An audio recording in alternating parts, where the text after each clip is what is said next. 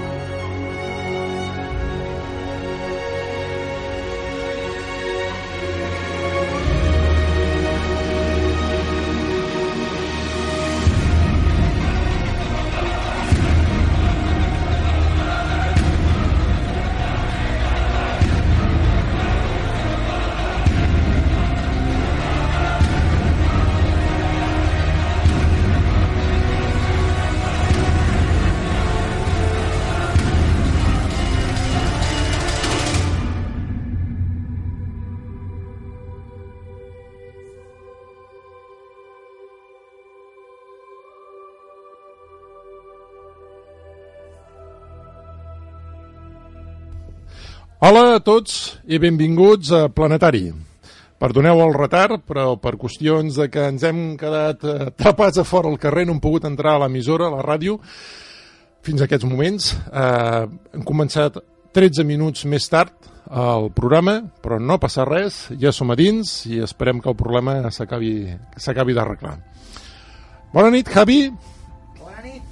Estem encara aquí organitzant-nos una mica eh, per mirar de posar-nos... Bona nit, Aleix. Bona nit. Bona nit.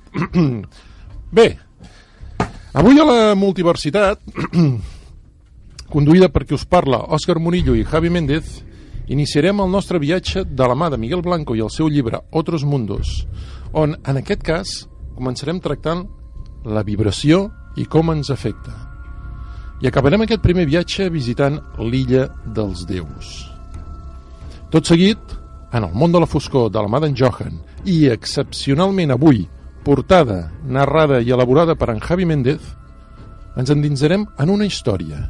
Una història estranya i macabra relacionada amb un experiment del son fet per russos. Tenim una web, com ja sabeu, per saber de tot lo referent al nostre programa. planetariaradio.gimdo.com planetariaradio.gimdo.com Això és el que heu de posar en el vostre cercador de Google o davant de les tres W. Des d'allà accedireu al contingut del nostre programa i al fòrum, on podreu deixar les vostres opinions i comentaris. I parlant del fòrum, algú vol dir alguna cosa, alguna novetat? És que francament no tenim temps. No tenim temps. Bé, doncs, dit això, comencem. Fins ara.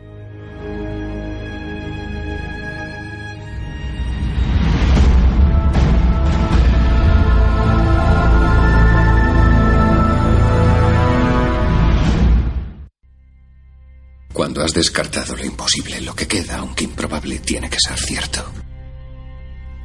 Multitud d'enigmes, misteris, conspiracions, diversitat d'opinions, teories, suposicions... Tots i cadascun d'ells escapen a l'error i la lògica que coneixem, fixant el nostre interès per intentar comprendre'ls. Tants i tants misteris escampats per tot el món, amb tanta diversitat de formes i continguts, que són com un puzzle que espera ser resolt. Què hi ha al darrere de tot plegat? És cert tot el que ens diuen? Benvinguts a la multiversitat.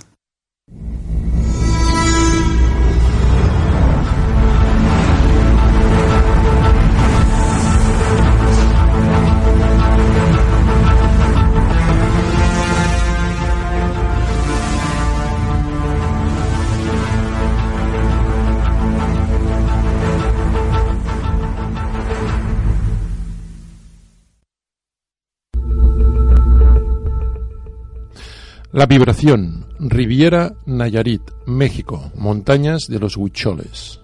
Un día muy lejano, desde fuera de nuestro mundo, llegó una nueva raza de dioses con la única intención de dominar a los seres humanos. Su misión era controlar los buenos sentimientos que se podían recrear en un planeta como este. En poco tiempo, esparcieron sus semillas por la Tierra e inocularon el virus a todos los humanos. Los efectos se irían definiendo a medida que la historia fuera sucediéndose. Benvinguts a la multiversitat.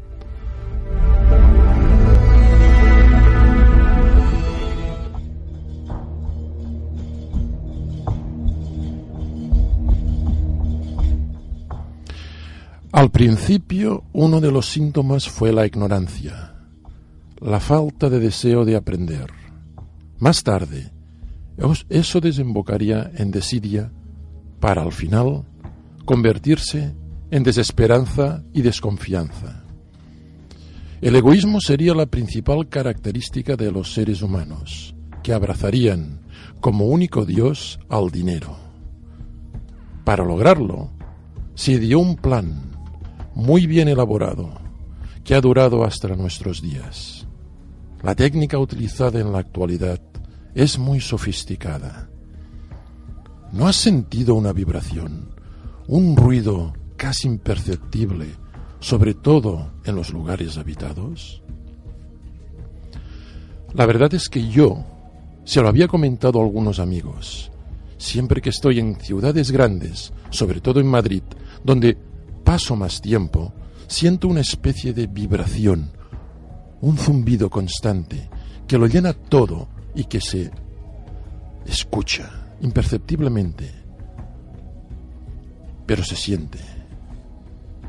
Eso es exactamente lo que está pasando, continuó diciendo el anciano. Nos están bombardeando con frecuencias de muy baja intensidad, casi imperceptibles, que sin embargo van logrando su finalidad, inocular el virus de la desidia el egoísmo, de la falta de fe y de creencias. Pretenden que el hombre de hoy no crea en nada más que en lo que a ellos les interesa. Programan diferentes frecuencias que provocan determinados estados de ánimo en la población mundial y está ocurriendo en casi todo el mundo.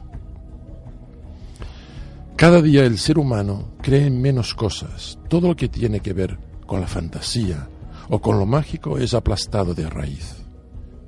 Ese sonido ataca al hemisferio derecho del cerebro del ser humano, el lugar donde residen la creatividad y la fantasía.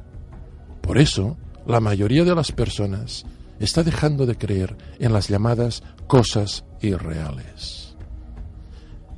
¿Crees que lo que estás viviendo en este momento es real?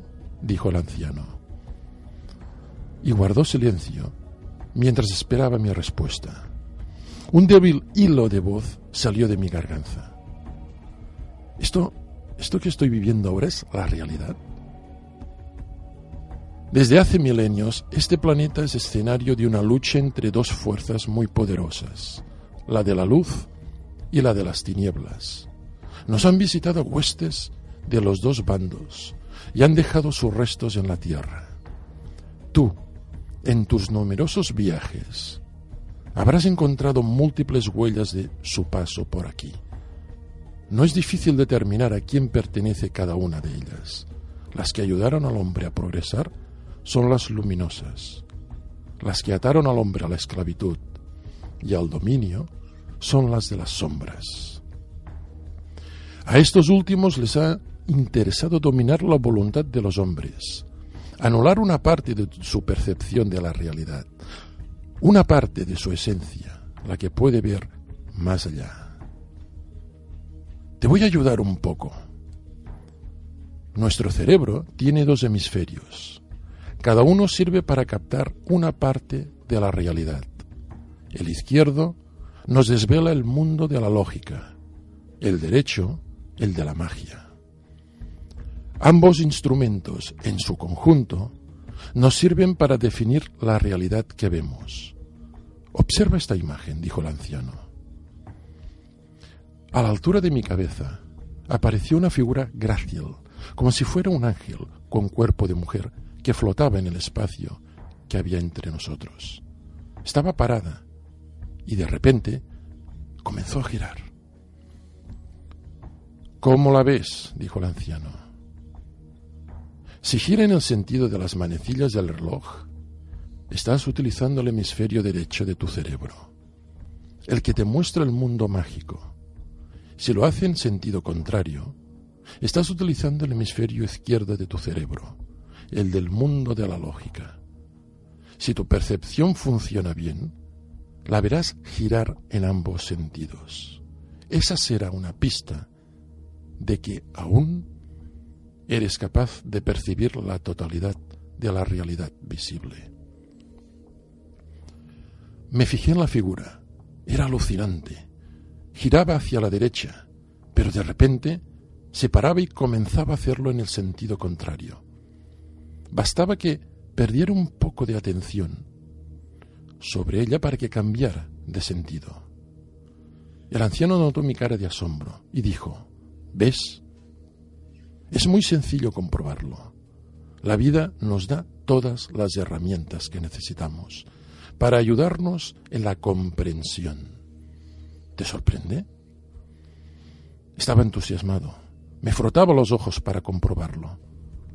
Y la figura cambiaba y cambiaba de sentido. El anciano prosiguió con sus detalles. El cerebro humano es un instrumento de gran precisión. Es la herramienta que nos sirve para captar la realidad. Y esta depende solo de nosotros. Podemos ver la parte positiva de la vida y aprender, o angustiarnos y ver solo la parte oscura de la existencia. Depende únicamente de nosotros. A eso lo llamamos actitud. Una actitud positiva nos hará ver cosas buenas, generarlas y encontrarlas en nuestra vida. Una actitud equivocada nos hará perdernos en las sombras y no nos permitirá ver el lado luminoso de nuestra existencia. Depende de nosotros, de nuestra elección. Aunque en la actualidad existen muchas fuerzas oscuras a las que les interesa que nos sumamos en el caos y en la tristeza. Lástima. Ahora ve, sal ahí fuera. El mundo te espera para saber si has aprendido la lección.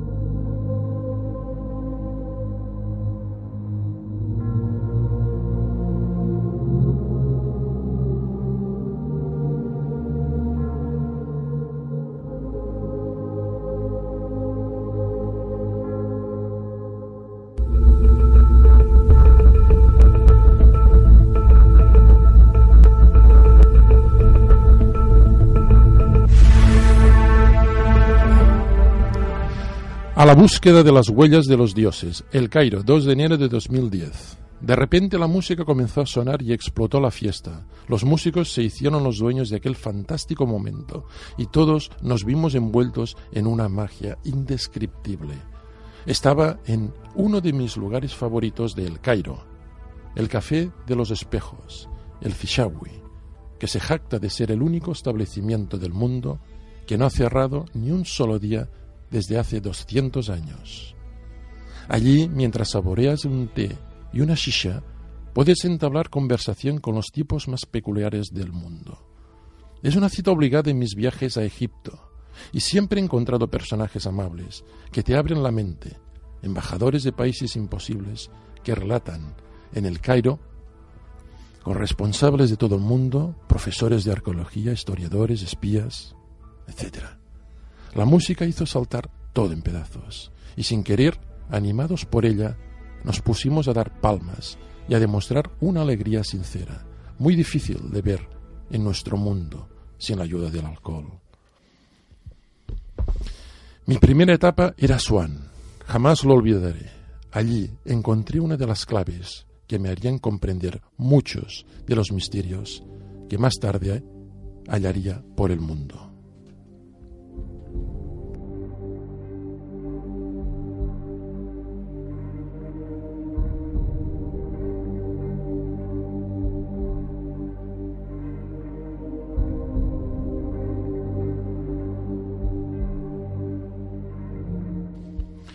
Asuán, abril de 1981. Asuán es la cara amable de Egipto. Esa es la sensación que tengo cada vez que recalo allí, desde mi, desde mi primer viaje, en los lejanos años 80. La ciudad, recostada sobre el Nilo, nos muestra la parte más reposada y dulce del país. Recuerdo con nostalgia mi primera vez que estuve allí. Me fui a pasar unos días con un gigante rubio que vivía en la orilla del Nilo, en el oeste de la muerte. Le conocí en mi primer viaje. Iba a contratar una fácula para navegar por el Nilo, cuando él, Nasser, el gigante, me abordó. Era un pescador nubio, que en sus ratos libres se dedicaba a transportar a la otra orilla a los arqueólogos, estudiosos o historiadores, que eran las únicas personas que en aquella época se acercaban por la zona. Yo no me consideraba ni una cosa ni la otra, pero me interesaba la magia de aquella cultura. Acepté su invitación para subir a la barca y nos lanzamos al Nilo. Hay pocas sensaciones comparables con la experiencia de viajar arropado por las velas y empujado por el viento, mientras surcas ese legendario río, el Nilo. El silencio se adueña de todo. Solo se siente el rumor del agua rasgada por la proa de la fácula y el suave susurro del viento que te hace viajar en el tiempo. Ya en aguas más tranquilas, Nassar y yo pudimos entablar una conversación. Me contó cómo era su vida. Tenía tres hijos y dos mujeres. Vivía de la pesca y de algunos viajes que realizaba con extranjeros como yo, a los que llevaba a yacimientos arqueológicos del otro lado del Nilo. Había algo en él que me hacía sentir cómodo, y no dudé ni un instante en aceptar su invitación para acercarme a su poblado. Cuando llegamos, unos niños se, bañaban en la orilla. Me sumé a ellos y me lancé al agua fresca del río de los faraones. Tras unos minutos de fiesta, me vestí y acompañé a Nasser, que sonreía viendo la escena. Nos fuimos hasta su casa. Era modesta. Había varias mujeres, mujeres vestidas de negro, que me miraron extrañadas. Pocos extranjeros debían de visitar su morada, pero no se mostraron preocupadas. Nasser me pidió que me acomodara y tras disponerlo todo me dijo, vas a comer con nosotros. Después te llevaré a tu isla. No me dio alternativa. En la sobremesa, Nasser me habló de su mundo y de algunas extrañas experiencias relacionadas con la isla que me interesaba ver. Me dijo, muchas noches, cuando no hay luna, desde el poblado, vemos unas extrañas luces que se posan en lo alto de la isla de Sehel. Estas luces bailan durante un buen rato, suben, bajan, se posan sobre las rocas y después se pierden en el cielo. Entonces nadie se atreve a acercarse allí. Son las luces de los antiguos dioses. Desde que conocí la misteriosa isla de Sehel, situada a tres kilómetros de la famosa isla Elefantina, el lugar donde reposó el arca de la alianza, en su largo viaje hacia lo desconocido, siempre me había fascinado. La isla, durante mucho tiempo, estuvo dedicada a la diosa Satis, protectora y guardiana de las fronteras de Nubia. Era una diosa muy venerada porque su poder provocaba las inundaciones del sagrado río Nilo. Muchos faraones egipcios se acercaron hasta allí, sorteando los peligros de las cataratas, para dejar su cartucho, su firma. Y esto es algo que extraña a los historiadores y expertos. ¿Por qué muchos de los gobernantes del antiguo Egipto viajarían hasta aquel lugar lejano y peligroso y abandonado para dejar su impronta? No tenemos respuesta, solo sabemos que allí ocurre algo misterioso.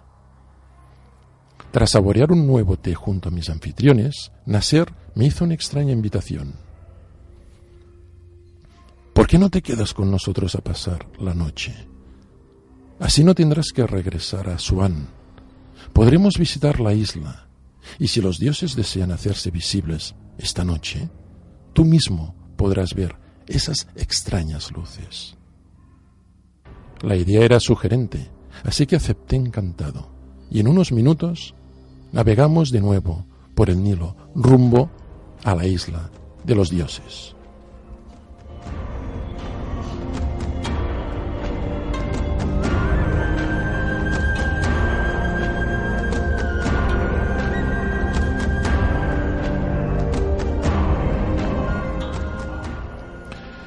La isla de los dioses. No tardamos en avistar la isla de Sahel, una pequeña porción de tierra en mitad del río Nilo, muy cercana a Asuán. Mientras Nasser se acercaba a tierra, me zambullí en el agua. Estaba fría, a pesar del calor del desierto cercano, y la sensación me llenó de vigor y ganas de vivir. Nasser atracó, y cuando terminé mi baño, Recorrimos unos 500 metros por una subida arenosa hasta llegar al inicio del solitario Roquedal. Como me había contado anteriormente Nasser, muchos de los faraones habían viajado hasta aquí para dejar su nombre enmarcado en un cartucho, su firma, la prueba de que habían estado en aquel lugar. Y junto a ellos, multitud de figuras.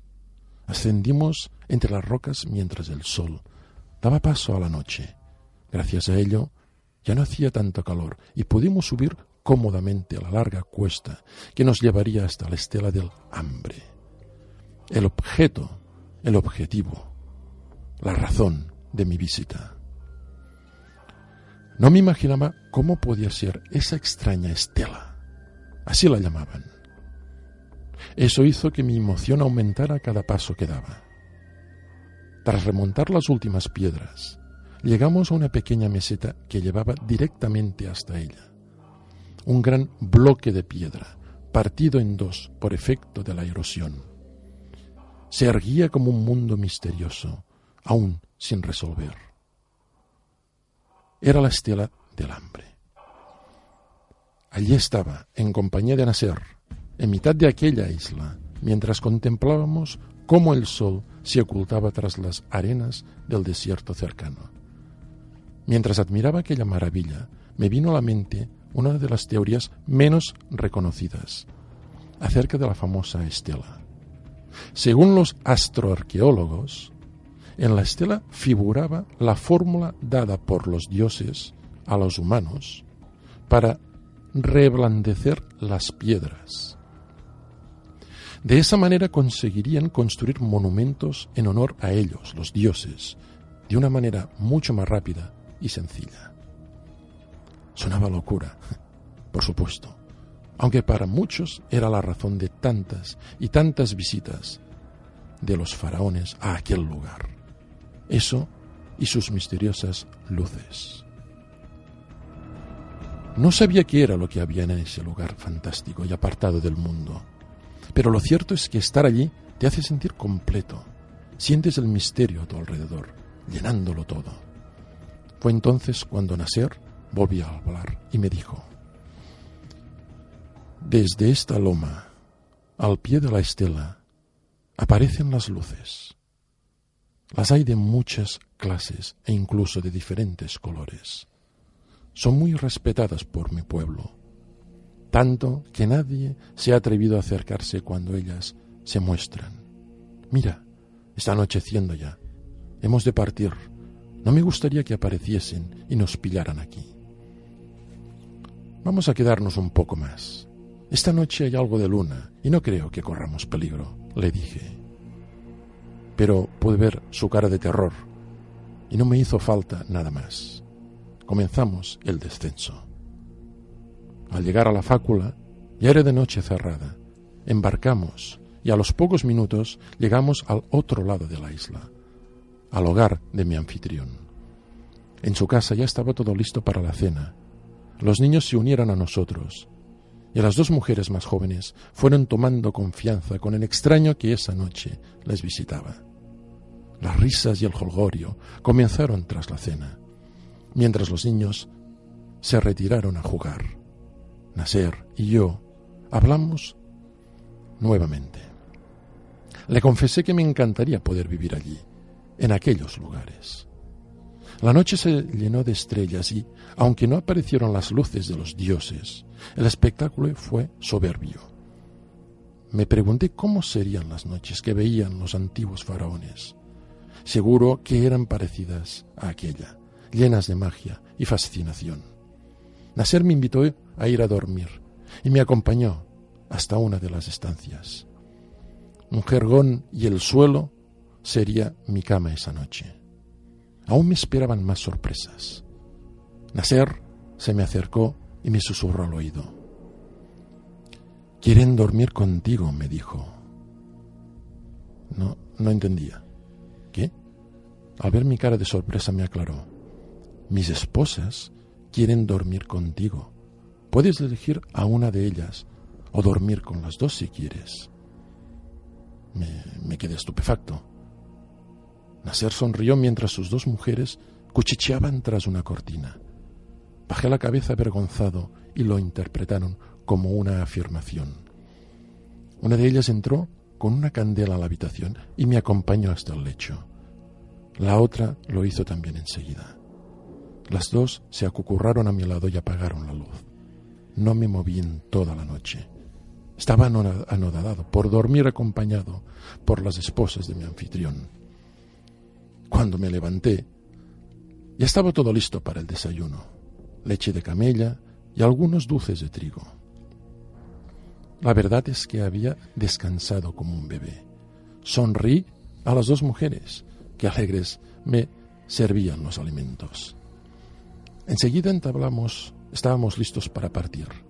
Me despedí de los niños y di la mano a uno de mis compañeras de lecho, que reían divertidas podrían contar que habían dormido con el extranjero blanco, algo seguramente único en sus vidas. Me fui agradecido y prometí regresar a verles en otro de mis viajes. Nasser me tendió su mano gigante y apretó la mía. Me acerqué a él y le abracé. Ya instalado en el hotel, rememoré la visita a la isla y a la famosa estela del hambre o eran los dioses los que habían inspirado, o existió otra humanidad.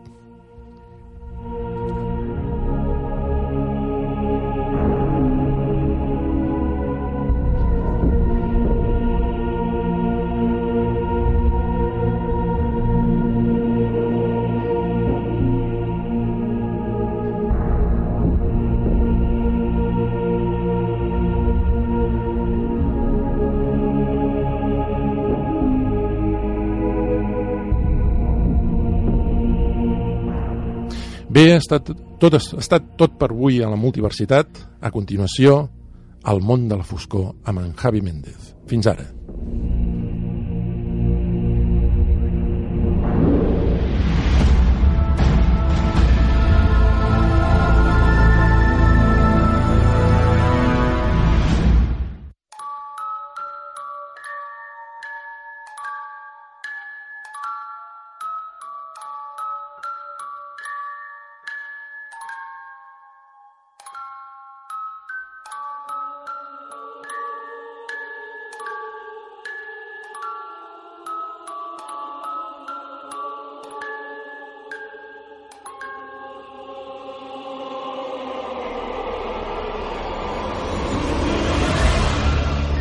Què tenim por de la foscor? Per què tenim la sensació de que no estem sols? Som conscients dels perills que ens rodegen? I si les històries del passat tinguessin algo de certes? És possible que existeixi algo que la ciència no contempli? És potser producte de la nostra imaginació? O és potser que només és visible a través de la ment? Qui són? Què són? Què volen? O és potser l'ésser humà a qui realment hauríem de tenir pànic? Teniu por? Doncs hauria.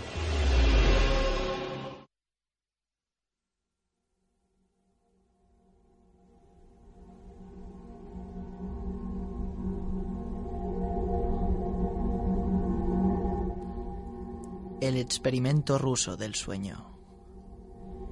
Investigadores rusos, a finales de los años 40, mantuvieron a cinco personas despiertas por 15 días utilizando un estimulante basado en gas.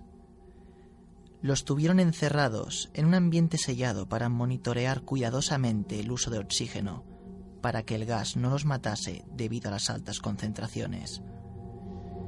Esto fue antes de que existiera el circuito cerrado, por lo que tuvieron que usar micrófonos y ventanas con grosor de 5 pulgadas para monitorearlos.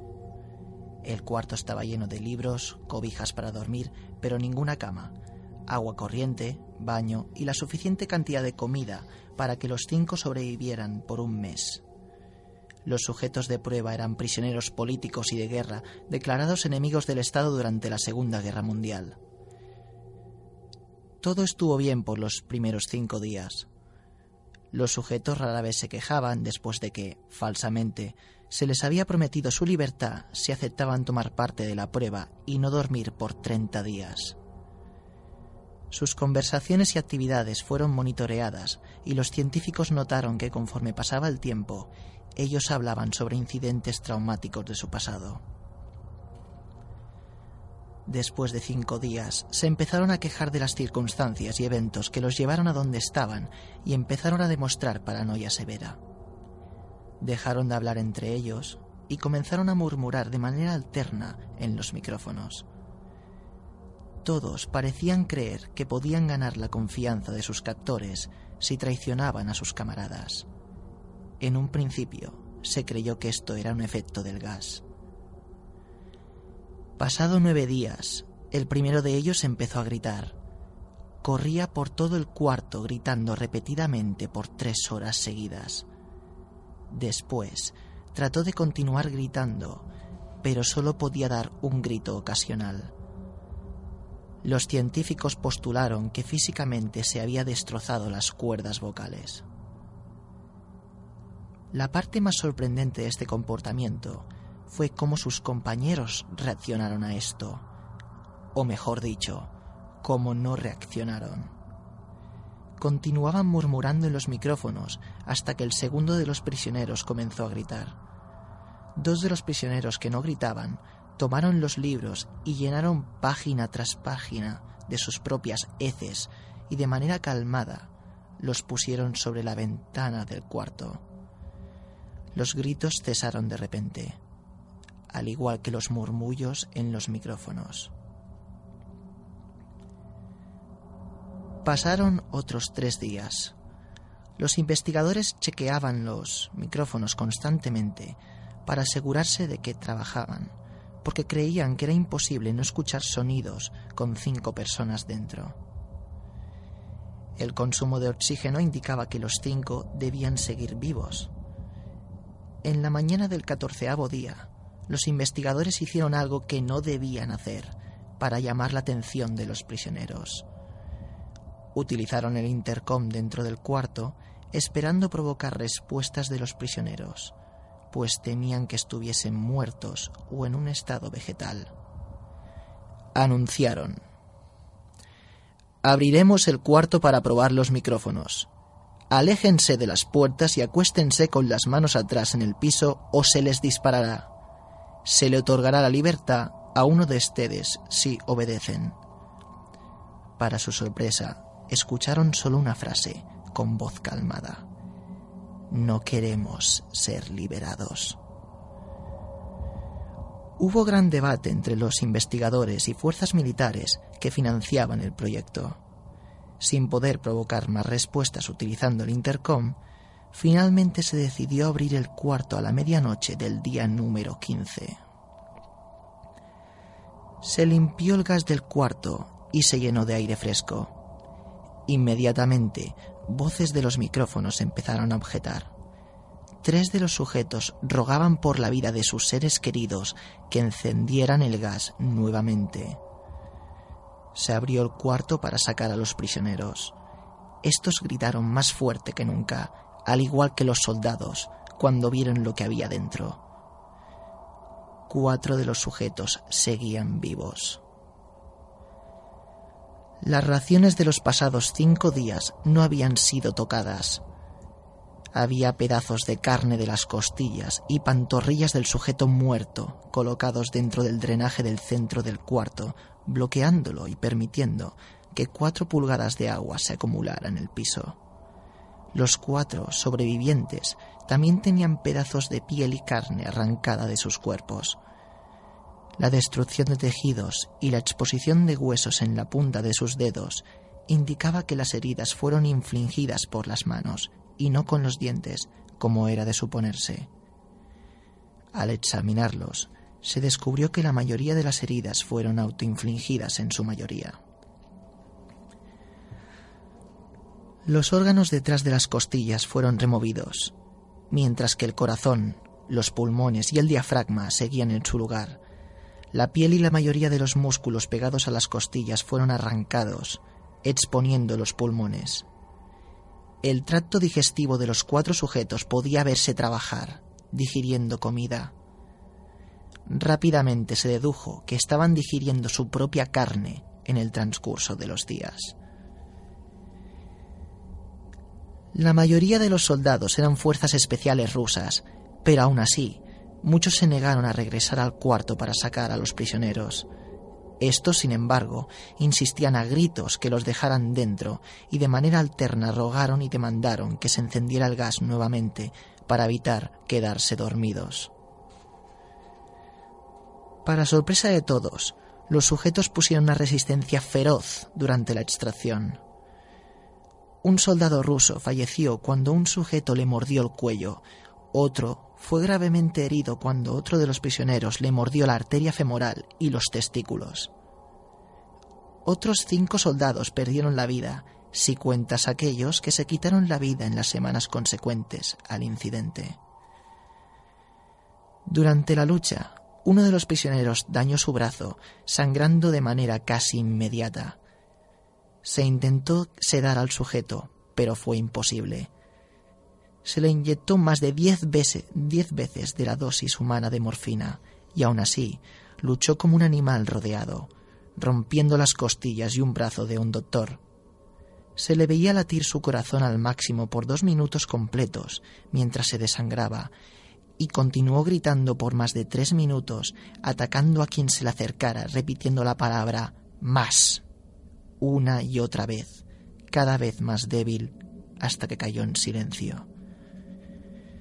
Los otros tres sobrevivientes fueron inmovilizados fuertemente y llevados hacia las instalaciones médicas. Dos de ellos, con las cuerdas vocales intactas, demandaban continuamente más gas para permanecer despiertos. El más herido de los tres fue llevado al único cuarto de cirugía que había en las instalaciones. En el proceso de su preparación para colocar nuevamente sus órganos en su lugar, los investigadores vieron que el sujeto era totalmente inmune a los sedantes. Además, peleó furiosamente cuando se le estaba colocando el gas anestésico. Se necesitó un poco más de anestesia de la normal para poder sedarlo, pero al momento que sus ojos se cerraron, su corazón se detuvo. El segundo sobreviviente era el que primero gritó del grupo. Con sus cuerdas vocales destruidas no pudo objetar la cirugía y solo reaccionaba agitando violentamente la cabeza en desacuerdo cuando se le administraba el gas anestésico. Afirmó violentamente con la cabeza cuando alguien sugirió en hacer la cirugía sin anestesia y no reaccionó durante la misma, que duró seis horas en la cual se intentó reemplazar sus órganos abdominales y cubrirlo con lo que quedaba de su piel. El cirujano afirmó que era médicamente imposible que el sujeto siguiera con vida. Una enfermera aterrada que ayudó en la cirugía comentó que la boca del paciente formaba una sonrisa cada vez que sus ojos se encontraban. Cuando la cirugía terminó, el sujeto miró al cirujano y empezó a hacer sonidos fuertemente, como tratando de hablar.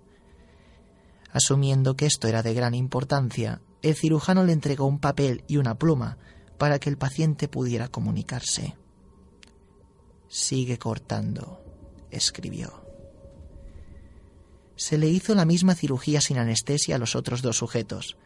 Se les tuvo que inyectar un paralítico, pues ellos reían constantemente, y era imposible para el cirujano realizar la operación. Una vez paralizados, solo podían interactuar con sus ojos. En el momento en que pudieron hablar, exigieron una vez más el gas estimulante. Los investigadores trataron de averiguar por qué se lastimaron de esa forma y por qué querían el gas. La única respuesta fue, debo permanecer despierto. Se reforzaron a los tres sujetos y los devolvieron al cuarto para la espera de su destino. Los investigadores, enfrentando la furia de sus benefactores militares por haber fallado las metas del proyecto, consideraron dar eutanasia a los prisioneros.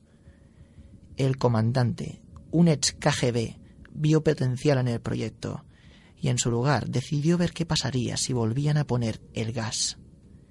Los científicos se negaron rotundamente, pero al final tuvieron que aceptar. En preparación para ser sellados de nuevo en el cuarto, los prisioneros fueron conectados a un monitor EEG. Para sorpresa de todos, los tres dejaron de pelear en el momento que se dieron cuenta que lo regresarían al gas. En este momento, era obvio que los tres estaban haciendo un gran esfuerzo por mantenerse despiertos. Uno de los prisioneros estaba murmurando una canción. El sujeto mudo peleaba con sus ataduras de piel como si tratara de enfocarse con algo. El último sujeto mantenía su cabeza en la almohada y parpadeaba rápidamente, siendo este el primero al que se le puso el EEG.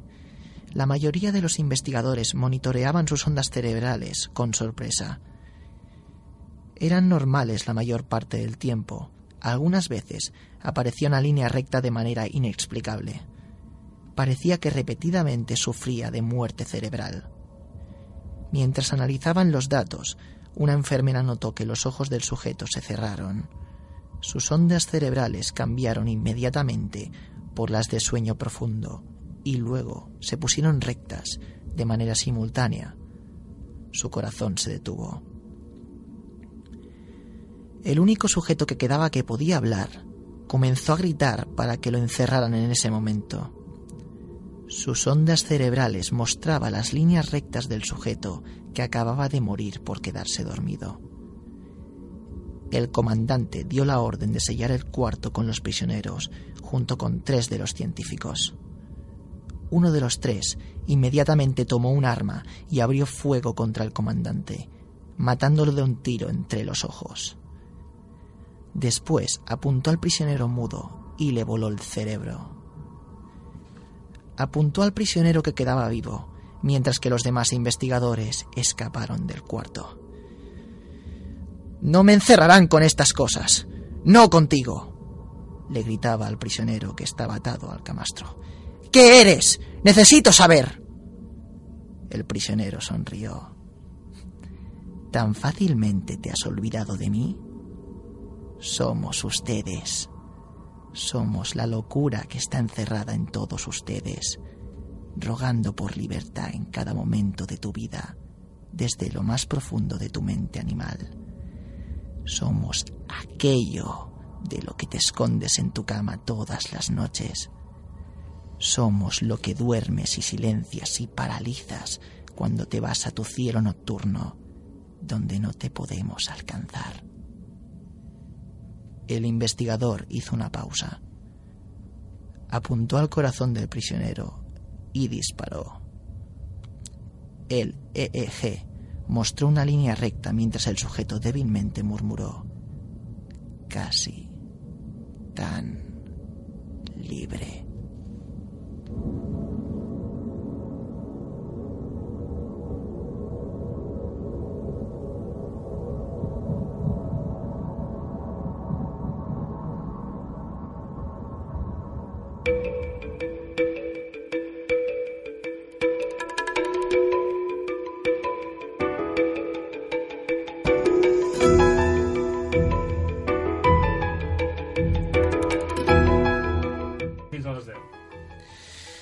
Bé, què us ha semblat aquesta història? M'ha fet por, eh, aquesta última part, Javi.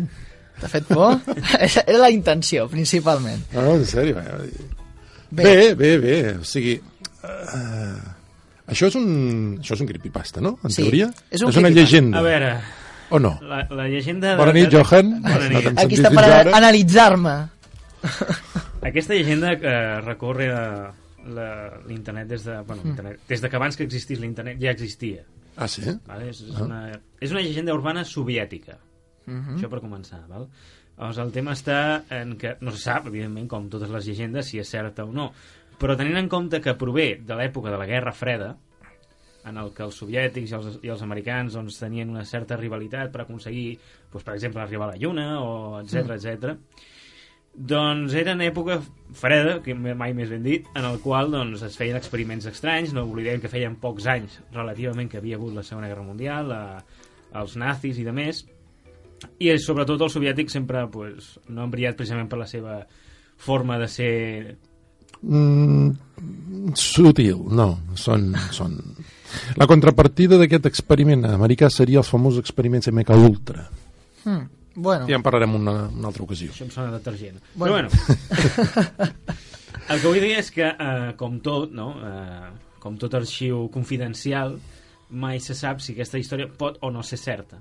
El cas és que dins, dins del, del que cap no és tan estrany, o sigui, no es coneix almenys... eh, No, no, no m'estranyaria gens que això fos cert, eh? no es coneix Es van cap... fer barbaritats després de la Segona Segona Guerra Mundial, i us diré més, tant amb els, els aliats van continuar els experiments estranys i macabres que es van iniciar a la Segona Guerra Mundial, sobretot en els camps de concentració per en tal... com es diu, un Mendel? Com es deia aquell doctor... Sí, el doctor de la mort, vaja. Sí, jo recordo, bueno, sí. com bé has dit, els, els americans un cop van guanyar la guerra es van endur doncs, tota la parafernàlia que tenien els nazis sobre temes de ciència, psicologia, etc. i se'ls van endur a Estats Units i com a mínim no, no els van posar en públic, o sigui que els van, els van retenir de forma privada a les instal·lacions on estiguessin. Hmm. Però independentment d'això, clar, el que ve a dir, la, la, la idea de que una persona aguanti 30 dies sense dormir Uf, és algo que co- com a mínim públicament mai s'ha descobert ni mai s'ha provat tants dies. Però sí que és veritat que bueno, tot aquest creepypasta està basat en la ciència real, és a dir, eh, m'he anat informant i he buscat un cas on un tal Randy Warner, mm, era un noi de 17 anys que en el 1965 va estar fins a 11 hores sense dormir i sense utilitzar drogues estimulants. O sigui, els científics que era un experiment i els científics que l'analitzaven, concretament el neuròleg David David Linsen, Has dit, diu... o has dit 11, 11 hores? Hores o dies? Perquè on- 11 hores dormo jo. Ah, vale. Ah, collons, dies, perdó. Jo també, eh? Jo, vale, ei. Collons, m'he equivocat, perdona. Collons. no, Val. no, no hi ha... Perdoneu. No hi ha... Ons, A no l'apuntar-ho l'apuntar-ho m'he equivocat. Bé, ara sí, uh, això sí, diu textualment en David Linsen. Durante este periodo, Warner al principio se fue poniendo de mal humo. Sus gestos se fueron haciendo más torpes y su estado de ánimo era más irritable. A medida que el tiempo avanzaba, empezó a tener delirios, decía que era un famoso jugador profesional de fútbol americano, luego tuvo alucinaciones visuales, vio un camino que cruzaba un bosque que se extendía justo donde terminaba su dormitorio, paranoias y una ausencia completa de concentración mental. De forma sorprendente, después de 15 horas de sueño, després d'aquests 11 dies sense dormir, se va donar... Bueno, va poder dormir 15 hores. Casi todos estos síntomas se mitigaron. Aquel incidente, al parecer, no dejó en Garner ninguna lesión física, cognitiva o emocional duradera. És a dir, mm, sigui, amb exactitud no se sap eh, si d'alguna forma mm, s'ha fet aquests experiments, Però, clar, sí que eh, hi ha suposicions, bé, de, mm, hi ha gent que especula de, durant la Segona Guerra Mundial, també els nazis, en els, camp, bueno, els camps d'extermini, Sí, no, de n'hi ha conspiració. per, per tots Hi ha, els ca- hi ha cada història que bé, i clar, eh, i ja per una cosa que m'ha semblat molt interessant, eh, que també van, van, han fet experiments realitzats amb rates, on es demostra que poda, pots, o sigui, poden viure eh, bé, en 3 o 4 setmanes sense dormir, eh, en 3 o 4 setmanes la palmen, és a dir, les rates. I que es desconeix la causa exacta de la mort, però que els animals eh, patien lesions en la pell i el seu sistema immunitari doncs es va fallar de forma gradual. És a dir, el teu sistema ja, el cervell tot, eh, va anar perdent facultats fins que finalment la palmes, bàsicament. I ja també he trobat que també el senyor David Linsen a este respecto también existe una enfermedad sumamente rara. Solo se ha hallado en algunas familias llamada insomnio familiar fatal. Este, este trastorno genético se presenta entre los 50 y 60 años de un día para otro y los síntomas son que la persona no puede dormir. Aunque el paciente intente en vano conciliar el sueño solo logra un estado de letargo que no le permite el descanso. Después de ocho meses, la fase final del insomnio lleva a un coma profundo y sin retorno. Actualmente no existe tratamiento ni cura para esta enfermedad. És a dir, són, sí, són coses que et Això no fan són pensar... urbanes. no, és a dir, a veure, si algú vol fer la prova i després que ens ho digui pel fòrum, eh, jo he estat eh, 10 dies sense dormir i que escrigui Sí, no, el que té, però a, bé. la, a la que no dormim 24 hores Sí. o 48 ja ens tornem histèrics. No m'estranya, eh, el, tornant a la, a la història d'aquesta que has explicat, que acabessin embogint. de totes maneres, sospito que la intenció dels científics en aquest experiment seria, sospito, eh? no sé, potser m'equivoco, portar la ment al seu límit. O bé per intentar descobrir què passa quan la poses en un estat d'estrès màxim, o bé per mirar aviam fins on realment arriba dins dels seus experiments de control mental. Imagino. Bueno, no deixa de ser, per exemple, en el fons, en el fons, eh, tot el que, per exemple, va passar al, a Auschwitz, per exemple, tot Sí. està mantingut en una obscuritat que només han sabut resoldre els mateixos, les mateixes víctimes que van viure la- la- Eh. l'Holocaust. Però, clar, què passa? Tota aquesta gent realment vivia sota murs, en, en, en, o sigui, realment el que va passar en allà ningú ho sap hi han hagut, o sigui, els que els van jutjar, però tot eren segons, perquè el, el cos nazi, per dir-ho d'alguna manera, funcionava de forma eh, piramidal. Els, els que estaven per sota de la piràmide no sabien el que feien els que estaven per sobre. Hmm. D'aquesta manera, doncs, hi ha molts experiments i alguns que comentaven, sobretot en aquests judicis que es van fer després, que hi havia experiments realment molt, molt retorçats fins al punt de que deies només una ment malalta podria arribar a concebre inclús la idea de, de, de, de fer això. Vull dir, per què, no? Hi ha experiments tan absurds com, com intentar posar una rata dins la boca i veure quan una persona arriba a sobreviure mentre la rata se li va menjant per dins.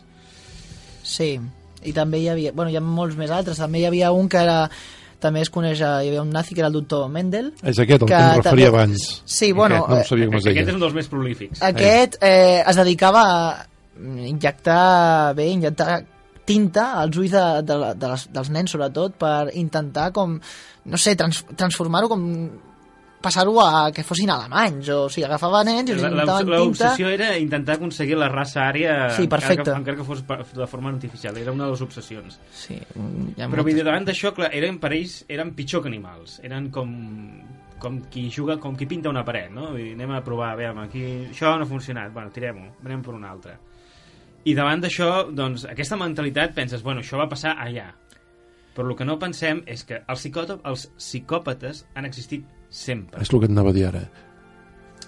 I no deixa de ser que quan una persona no, no té sentiments i té poder i té diners, el diner ho compra tot. Quan té influència i se sent poderós. O sigui, quina diferència hi ha entre aquelles barbaritats que feien els alemans i els psicòpates avui en dia? La obsessió malaltissa, saps? Penso jo, eh? No, però a part d'això hi ha una cosa que a mi sempre m'ha intrigat de la- de l'es- de de l'espècie animal viva, i és el fet de la necessitat de dormir. No us he preguntat mai per què hem de dormir? Bueno, a veure, diuen...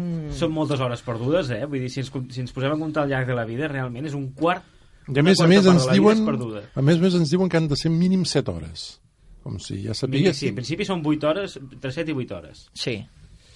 I Val. a mi una de les coses que m'obsessiona en part és això, no? El fet d'aquest de, de, de, de, per què dormir? Per què, quina necessitat hi ha? I sobretot, què fem mentre dormim? Bueno, a veure, és que això ja s'ajunten moltes coses. A veure, quan dors, teòricament, Curiós. per dir-ho fàcilment, permetes eh, que el teu cos recuperi, la teva ment descansi, però, Sobretot si tens És que la ment no, no, no, no, és que la ment no descansa, diuen. eh? bueno, es manté activa, però llavors eh, És que això és és quan curiós. es manifesten els somnis, diguéssim, però la teva part conscient, la teva part que utilitzes, o sigui, la, la, es, es, bé, es recupera mentre surt l'altra part del teu cervell que la tens en el teu subconscient i és quan surt, eh, floreix i és quan surten els somnis. Sobretot quan hi ha malsons, descanses molt. sí, sobretot, però eh, per exemple, hi ha animals com eh, els dofins eh, fa temps em van explicar que, que sempre estaven desperts, o sigui, tenien les dues parts del cervell la utilitzaven una de dia i una altra de nit o sigui, nosaltres no, no podem fer això, és a dir el nostre cervell d'alguna forma bloqueja el nostre subconscient i quan nosaltres dormim, aquesta part descansa i el subconscient doncs surt Una mica com el que he explicat a la primera part, no? De la vibració. La Mira, així, així molt ràpid, una revista que tracta temes sobre, sobre això del cos. Uh, tres coses que fan mentre dormim. Uh, fabriquem músculs, curem enfermetats També. i millorem, millorem la vista i ens posem guapos. Anda, doncs mira. Ah, mira, Ara, sense, sense entrar en, en comentar cada cosa així en concret, seria això el principal. Pues quan ens llevem i ens mirem a un mirall, el primer que veiem és uau, quina cara que és, tinc. Estem despentinats, però la, la cara té millor cutis. Sí, ja ho veig. Almenys la meva no. Quina cara, que em faig por. Mira, diu que si per exemple tens la pell apagada i poc tersa, això és que has dormit malament. Representa que si dorms bé la pell et deu quedar millor. Llavors. Ah. O Bueno, sigui, que a part Tam- del cervell també renovem sí. La, la part física del cos. També influeix molt que tinguem un bon llit, un bon ha de matalàs... ser 20 centímetres més llarg que el que m'adeixis tu, El què? al matalàs. Ah, Bueno, això són res, curiositats que et diuen aquí per poder descansar bé. Ja està. Veus que. No, no ve al cas ara. sí, sí, sí que bé, i tant. El, que està clar és, el que està clar és que mantenir-se 11 dies sense dormir no és una bona recomanació. Almenys No, no, perquè si hem de, si ha de començar a, pensar, a, a passar el que ens ha explicat en Javi, mm, a mi la veritat és que em fa por perquè no puc dormir, tinc insomni. Mm. El que sí que m'hi fixo és que quan tens al·lucinacions poden ser per la droga, per l'alcohol, per el fet de... O sigui, també el fet de no dormir, a vegades veus, veus al·lucinacions, veus coses que dius... Hosti, què és això? Això és la teva ment que ho fa. Inclús quan eh, que t'acabes d'aixecar de vegades un Sí, somni, però- també et dona la sensació de veure coses El gran debat és quan els científics i els metges i els psiquiatres diuen eh, tu veus al·lucinacions perquè la teva ment està danyada, cansada o el que sigui. Sí. Jo eh, vaig a petar allà mateix. Qui et diu que realment no sigui no una bogeria, sinó que la ment, no sé, hagi trencat algun mur i sigui capaç de veure alguna més que no veiem normalment. Bé, Això és, és que, el- és que per això mateix et recomanen els metges eh, moltes vegades que descansis també. O sigui, el, el, el, o sigui, dormir i descansar va bé pel cos i va bé per la ment. És a dir, eh, i, bé, ara... És un món fosc. Sí, això segur. I estrany. Fins d'aquí 15 dies.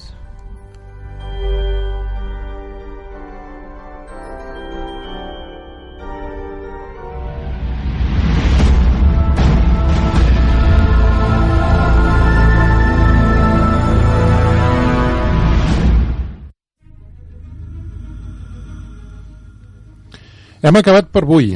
Esperem que us hagi agradat tot el que hem tractat al programa. I recordeu, indagueu pel vostre compte, investigueu, dubteu, analitzeu, però sobretot agafeu-vos-ho de forma deportiva, amb calma, però sempre amb la ment oberta. I per què no? Us esperem d'aquí 15 dies amb una nova edició de Planetari. Però abans de marxar, recordem la nostra web www.planetariaradio.gimdo.com www.planetariaradio.gimdo.com Des d'aquesta web accedireu a tots els continguts del programa, com també podreu accedir al fòrum i deixar els vostres comentaris i opinions. Heu escoltat Planetari, una producció de Ràdio Canet per a la xarxa de comunicació local. Gràcies a l'Eix, Johan, Javi i a tots vosaltres, radioients, per haver-nos escoltat una setmana més. Emplaçant-vos d'aquí 15 dies en una nova edició. Adéu-siau. Bona, Bona nit. Te explicaré por qué estás aquí. Estás porque sabes algo, aunque lo que sabes no lo puedes explicar, pero lo percibes. Ha sido así durante toda tu vida. Algo no funciona en el mundo, no sabes lo que es, pero ahí está como una pastilla clavada en tu mente y te está enloqueciendo. Esa sensación te ha traído hasta mí. ¿Sabes de lo que te estoy hablando? Planetari.ràdio. És hora d'obrir els ulls.